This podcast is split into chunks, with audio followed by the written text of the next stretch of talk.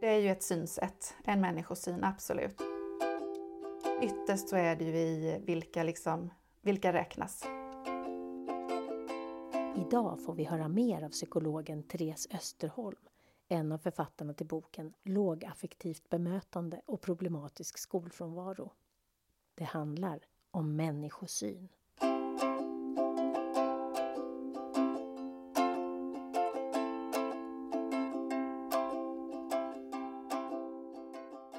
Jag heter Johanna Langhorst, är lärare och utbildad inom specialpedagogik med inriktning mot neuropsykiatriska funktionsnedsättningar. Jag är också mamma till två stora barn med NPF. Varför blir alla coola människor förtryckta? Vilket jag tycker är så skumt. Det här är Zelda. För det är så här, romer är skitcoola. Zelda är min dotter. Hon har autism och ADD och har inte kunnat gå i skolan på många år. De har så här jättecoola klädstilar och hårstilar och smycken och kläder. Alltså deras stil är väldigt cool, tycker jag. Idag är hon 19, men hon har fortfarande ingen grundskolekompetens. Och jag fattar inte varför de måste liksom leva, eller inte alla såklart, alla är ju olika, men, de, men några måste liksom leva uh, i liksom fattigdom är liksom, och under andra världskriget så var ju de, nazisterna ville ju ha dem också, det var ju inte bara judarna. Och judar är också jättecoola, de har så här små mössor. De, det var en kille i min klass som var jude och han hade en liten sån hatt. Kippa. Kippa heter det. Ja. Och det finns folk som sminkar sig så här så att de har jätte så här, stora eyeliners och jättestora ögonfransar och jätte så här som en liten krigsmålning. Punkigt. Ja, punkigt eller rockigt eller emoaktigt. Men de är typ de snällaste människorna. Och sen finns det folk som typ sminkar sig så här lite granna. Och de har jag märkt har varit mer läskiga eller mer dryga och jobbiga än de personerna som ser dryga och jobbiga ut. Menar du nu då att de som anpassar sig till normen är ofta mer dryga? Eller är, liksom, är det så? Nej, alltså jag menar typ så här folk som anpassar sig till normen är så dryga på det sättet att de bara alla ska ha sin plats. Vadå, så här, håll dig på mattan typ? Eller? Ja, exakt. Liksom så här, eh, jag har den här platsen i samhället för jag har, håller mig till de här normerna och du ska vara under mig eller över mig liksom. De känns lite mer så, inte alla, där är bara stereotyper egentligen. Det är bara från vad jag har sett från mitt liv. Så inte alla som har sminkat sig fina varje dag eh, är social climbers. Men när det kommer till människor och normer eller bara förtryck och sånt så tycker jag så här, innan du kritiserar någon så borde du kritisera dig själv först och fatta varför du ska kritisera den här personen. Vad har den här personen gjort för att du ska kritisera den här personen? Eller är det mycket smartare att spendera tiden att faktiskt lära sig mer om varför den här personen gör som den gör? För det tycker jag är mycket intressantare än att gå fram till någon och säga Vad fan håller du på med? Du behöver inte sminka dig, du är fin som du är. Blablabla. Det kan vara massa olika anledningar till att folk sminkar sig och därför borde man inte kritisera folk det första man gör liksom, jag har gått i mitt liv och nu är jag här, har halvrött hår, sitter i en klänning och pratar i en mikrofon. liksom, man, man måste tänka, hur kom jag hit? Liksom. Hur kom de dit? Till där de står nu. Hej Mary! Oh, kommer du, vill du säga några ord? Nej, du fick... Mm. Åh, du ville säga ett ord! Nå. Nå. Hon ligger på dig, hon ligger som en liten boll nästan. Hon är så söt.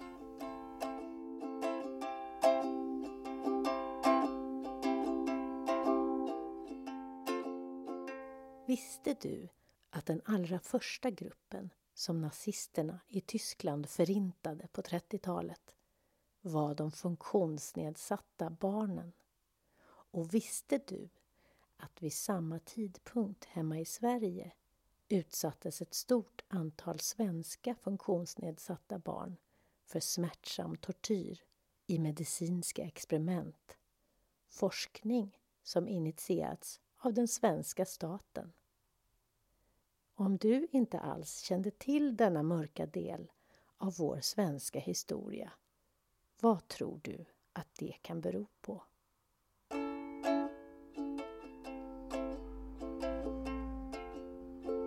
Det finns en utbredd uppfattning om att Sverige alltid legat i framkant när det gäller mänskliga rättigheter och jämlikhet. Vi svenskar ser oss som ett slags superhjältar på mänskliga rättigheter och menar ofta till och med att vi skulle vara bäst i världen på humanitära frågor. Tyvärr är den självbilden falsk. Vår idé om Sverige som de mänskliga rättigheternas högborg skulle närmast kunna beskrivas som en folklig livslögn. Tvärtom har Sverige under många år fått återkommande internationell kritik från olika organisationer som arbetar med humanitära frågor, speciellt inom områden som rör de mest utsatta samhällsgruppernas skydd och rättigheter, som etniska minoriteter, barn på institutioner och funktionsnedsatta barn. FNs kommitté för mänskliga rättigheter konstaterar att Sverige bryter mot inte mindre än 13 artiklar i FNs konvention om de mänskliga rättigheterna. FNs kommissarie för mänskliga rättigheter har under många år kritiserat Sverige för hur vi behandlar funktionsnedsatta barn. Gång på gång har FN uttryckt stark oro och kritik mot formuleringar i den svenska skollagen som gör det möjligt för kommuner att smita undan utbildningsansvaret för barn med funktionsnedsättningar. Konsekvensen blir att tusentals svenska skolelever blir utan nödvändigt stöd. Stöd som barn har rätt till enligt FNs stadgar för mänskliga rättigheter. Diskrimineringsombudsmannen får in cirka 200 anmälningar om året för att kommuner och skolor utsätter elever för otillgängliga miljöer och dåligt anpassad undervisning. Uteblivet stöd innebär diskriminering av elever, vilket är förbjudet enligt svensk lag. Ändå agerar inte Diskrimineringsombudsmannen utan skyller på resursbrist och den svenska staten gör ingenting åt saken. FN har också påpekat att Diskrimineringsombudsmannen gör för lite och kritiserar Sverige även på denna punkt. Visste du om det? Och visste du om att svenska skolor regelmässigt bryter mot FNs stadgar om de mänskliga rättigheterna? Och om du inte visste det, hur kan det komma sig? Dagens program handlar om människosyn och etik i den svenska skolan. Välkommen!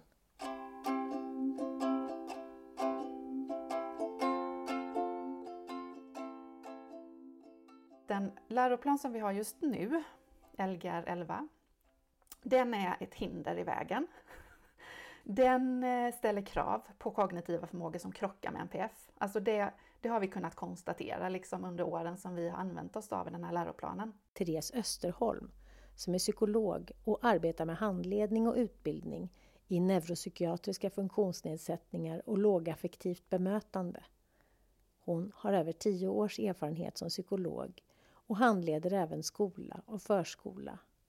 Tillsammans med Maria Bühler och Anneli Karlsson har hon skrivit boken Lågaffektivt bemötande och problematisk skolfrånvaro. I styrdokumentet så ser vi att det är fem övergripande förmågor som är i fokus i den här läroplanen. Det är analysförmåga, det vill säga att kunna se orsak och verkan. Det är kommunikativ, kommunikativ förmåga, det vill säga att kunna dra slutsatser, argumentera. Det är metakognitiv förmåga, det vill säga att kunna se på saker och ting ur ett större perspektiv. Eh, det är förmåga att hantera information, det vill säga att kritiskt kunna granska och analysera. Och så är det begreppslig förmåga, det vill säga att kunna sätta samman saker till delar till helhet. Så. Eh, och det är ju nästan rakt upp och ner diagnoskriterierna för autism. Att, det, att ha svårt för allt det där? Yes. Mm. Så det betyder att det krävs mycket anpassningar och stöd till många av elever med den här diagnosen för att också de ska kunna ha chans att nå målen. Så det tänker jag är en del av det hela, varför det är så svårt just nu. För det här är det som skolan har liksom uppifrån på sig som krav att bedöma. Det ligger där hela tiden. Eh, så, vilket ju blir jättestressande för, för lärare som ser att här, det, det här är orimliga krav. Eh, för jag har en elev framför mig som brister i de här förmågorna. Eh, så, så jag behöver göra på ett annat sätt. Men när jag gör på ett annat sätt och när vi får en fungerande skolvardag, då har jag ur ett perspektiv, om man drar det till sin liksom ytterlighet så, inte gjort mitt jobb. Alltså, det blir väldigt stressande tänker jag. För att då når eh, inte barnet de här målen ändå? Liksom. Exakt. Exakt. Eh, I höst så kommer ju det här att ändras för då kommer ju Lgr 22. Eh, så jag har lite förhoppning till den. Eh, man ska ändra betygskriterierna och de här kriterierna för bedömning av kunskaper. Så nu har jag Skolverkets hemsida framför mig och där kan man läsa vad den förändringen innebär. Och det är några olika komponenter som jag har en förhoppning kommer att underlätta för elever med NPF. Så. Tror du att den eh. kommer vara tillräckligt bra? Eh, det är ju en del i det hela. En annan del i det hela det är ju såklart en ökad kunskap om olika sätt att fungera och om funktionsnedsättningar i skolan. För där möter vi de här barnen. Vi har alltid mött dem, vi kommer alltid att möta dem. Så, där ser vi ju att eh, på en del utbildningar så läggs det till kurser inom det här området. Men där behöver ju absolut, det här behöver ju bli både bredare och djupare och i flera eh, utbildningar. Absolut, så det är ju en annan komponent i det hela. Men sen är det liksom själva, själva synsättet så. Alltså, vad tänker vi om det vi gör? För vem skull gör vi det? Med vilken rätt gör vi det? Vad är målet? Alltså det är etiken, tänker jag, i skolan. Det är ju en annan pusselbit som skulle kunna bli en bok i sig. eh, att, eh, att belysa och diskutera och lösa etiska dilemman. Så det är både kunskap, tänker jag, den ena delen, men det är också synen på eh, vad är mitt uppdrag, mitt ansvar. Så.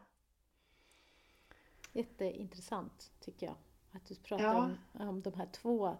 Det, det ena är resurser, liksom på olika sätt, resurser, och det andra handlar om, om, om en människosyn nästan.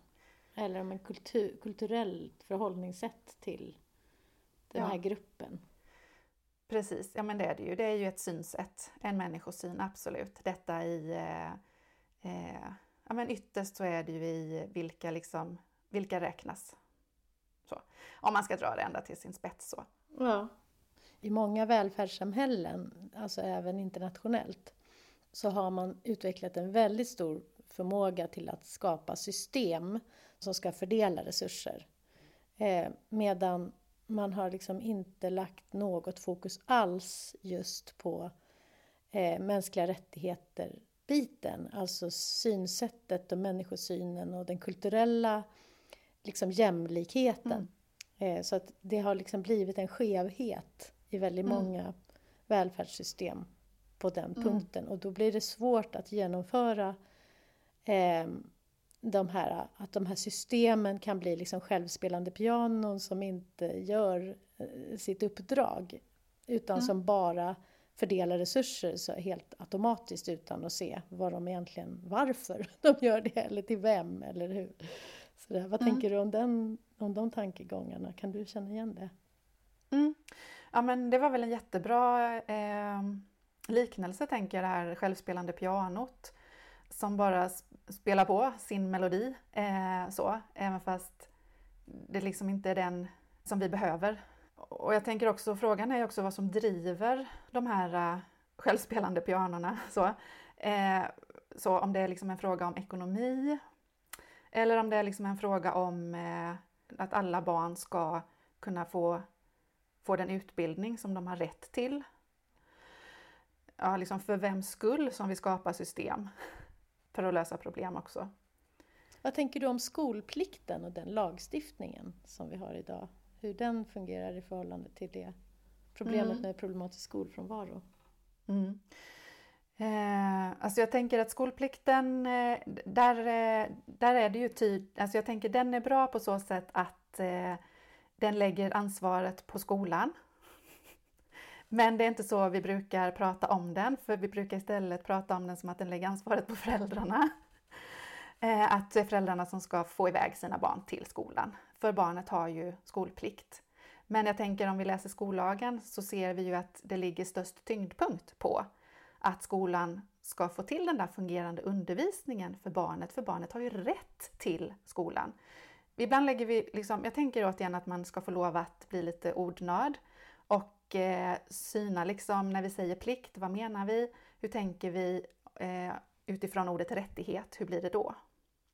För ansvaret ligger ju absolut i skolan att vi ska lösa så att alla barn får den undervisning som de har rätt till. Så. Alltså min erfarenhet och jag tänker det som jag också hör ifrån många föräldrar, också skolpersonal, det är ju att eh, skolplikten använt emot föräldrar leder till socialanmälningar som inte löser problemet utan snarare lägger ytterligare börda och belastning på redan eh, pressade föräldrar. Och även så blir skolan uppgiven för det löste ju inte liksom, frågan i sig heller. Så man är tillbaka på ruta noll. Om inte så att vi faktiskt till och med backat några steg för att tilliten, alltså från hem till skola, har fått sig en törn också. För att skolan har skjutit över liksom, ansvaret på, på SOS, på föräldrarna. Vad tänker du om kommuner som stämmer föräldrar som har barn med problematisk skolfrånvaro? Jag tänker att där får man nog lära av erfarenheten att det är inte lösningen. Men det handlar ju också liksom om ansvarsfrågan. Så. Och där får man ju bara backa tillbaka och läsa i lagboken att det är skolan eh, som har ansvaret för barns utbildning i Sverige. Och så ska det ju vara.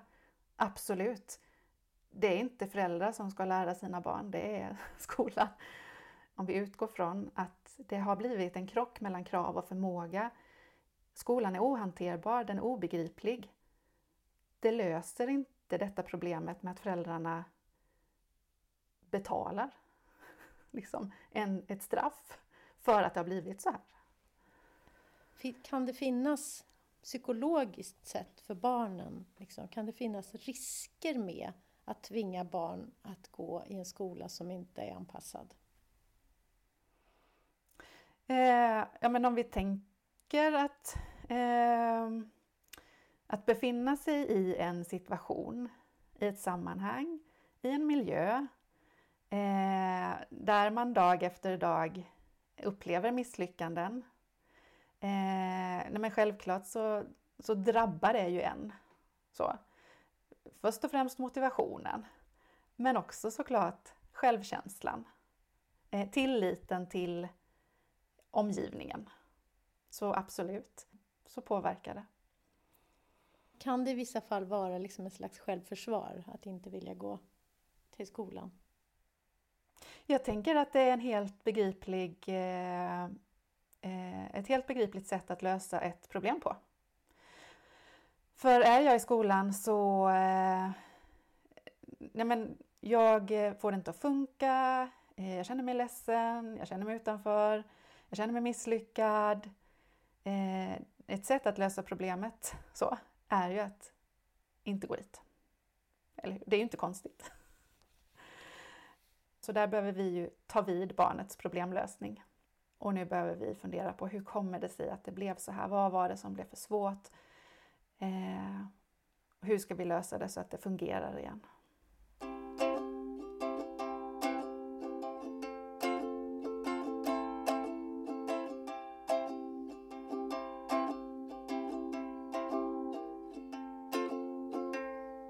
Alltså om man tänker just på elever med en neuropsykiatrisk funktionsnedsättning så funderar jag mer och mer på hur stor del den bristande, den bristande kommunikationen och det bristande samarbetet mellan skola och vård spelar roll. Eh, och hur då föräldrar och barn drabbas av det. Alltså jag tänker så här, skolan är ju tydlig med att eh, diagnosen ska inte spela någon roll. Så, det, stå, det, är liksom, det är det som vi säger till föräldrar. Eh, det ska inte spela någon roll vilken diagnos ditt barn har, för vi ska få skolan att fungera ändå, för ditt barn har rätt till utbildning. Det är liksom en signal som skolan skickar till föräldrar. Sen kommer en signal från vården, barn och ungdomspsykiatrin främst då, tänker jag på. Eh, den signalen är, det är skolan som ska uppmärksamma barnets svårigheter slash diagnos och remittera det till oss. Då får ni hjälp och stöd och en utredning. Det blir jätteförvirrande för föräldrarna, tänker jag. För skolan talar utifrån sitt syfte och vården pratar utifrån sitt. Och sedan nästa steg är ju att barn och ungdomspsykiatrin vänder sig till skolan, ber dem utreda inför en neuropsykiatrisk utredning. Och då ringer skolan till föräldrarna och säger jo, vi ska förresten utreda ditt barn. Då blir det ju totalt obegripligt för föräldrarna, för sa inte skolan nyss att diagnosen inte skulle spela någon roll? Alltså jag tänker det här är ju dubbla budskap upphöjt till två. Som ju verkligen aldrig är bra, men det är absolut inte okej okay när ett barn blir drabbat i detta. Alltså hur stor del av skolfrånvaroproblematiken ligger i en icke-fungerande kommunikation, ett icke-fungerande samarbete mellan skola och vård. Och då är det liksom på en i samhället som system och pratar. Mm. Och sen finns det ju också det här alltså att när man kan få eh, hjälp. Jag kommer ihåg eh, med min son så gick vi en sån kometkurs. Eh, då, det var ju för länge, länge sedan. Eh, han har också de här diagnoserna. Eh, och, men det var inte det fanns inte så mycket hjälp att få där. Men kometkursen var bra tyckte vi föräldrar då. Och då fanns den också för skolan. Och då så, så sa vi det till skolan, ni kan få den här ni kan få den här utbildningen. Men då sa skolan nej.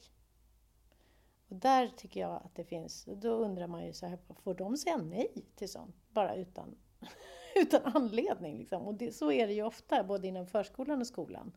Att de kan få hjälp och stöd från socialtjänsten eller från habiliteringen eller ja, med utbildning och sådana saker. Men de tycker inte att de har resurser, att liksom personal nog för att ta emot eh, den typen av hjälp och stöd. Eller att liksom kunna ge det då till barnen vidare heller. Mm. Så det är återigen liksom ett fungerande samarbete mellan den behandlande instansen och den eh, liksom, utbildningssystemet så, som eleven som går i behandling vistas i. Så. Ja, jag tänker ofta när det handlar om beteende liksom, mässiga behandlingar så måste de ju genomföras på den platsen där barnet har problem. Då blir det ju väldigt svårt om skolan inte ses som en behandlande instans men det är mm. där barnet behöver sin behandling. Hur löser man det? Liksom? Ja, nej och där, eh, eh, där, där, tänker jag, där krävs det ju såklart ett jättebra samarbete mellan, eh, mellan lärare och, och elevhälsa och behandlingspersonalen och där delar av av detta innefattar aktiviteter i skolan. Så.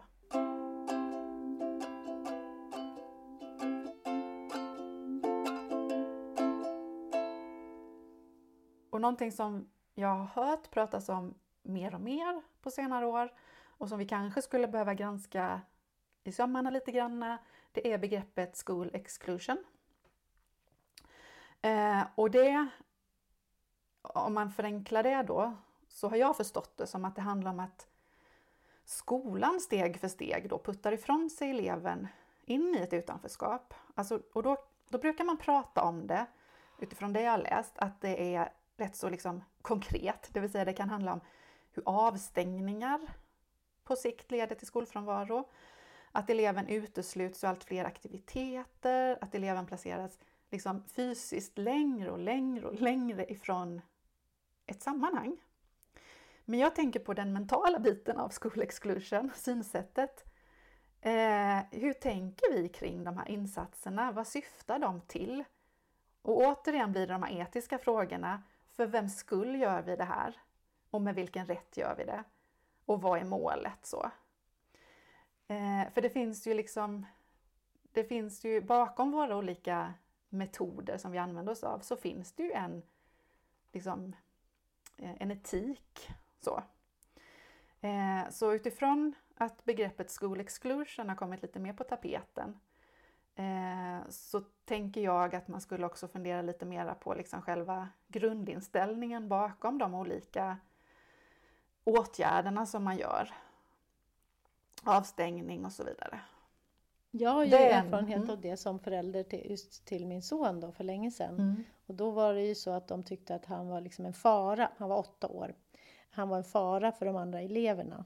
Så att därför måste han vara utanför klassrummet och på fritids hela dagen. Alltså han fick bara vara med en timme på morgonen i skolan och sen fick han vara på fritids med en assistent resten av dagen. Eh, och där var det ju tydligt vad motivet var. Det handlade ju om att skydda de andra barnen. Mm. För vem skull gör vi detta? För de andra.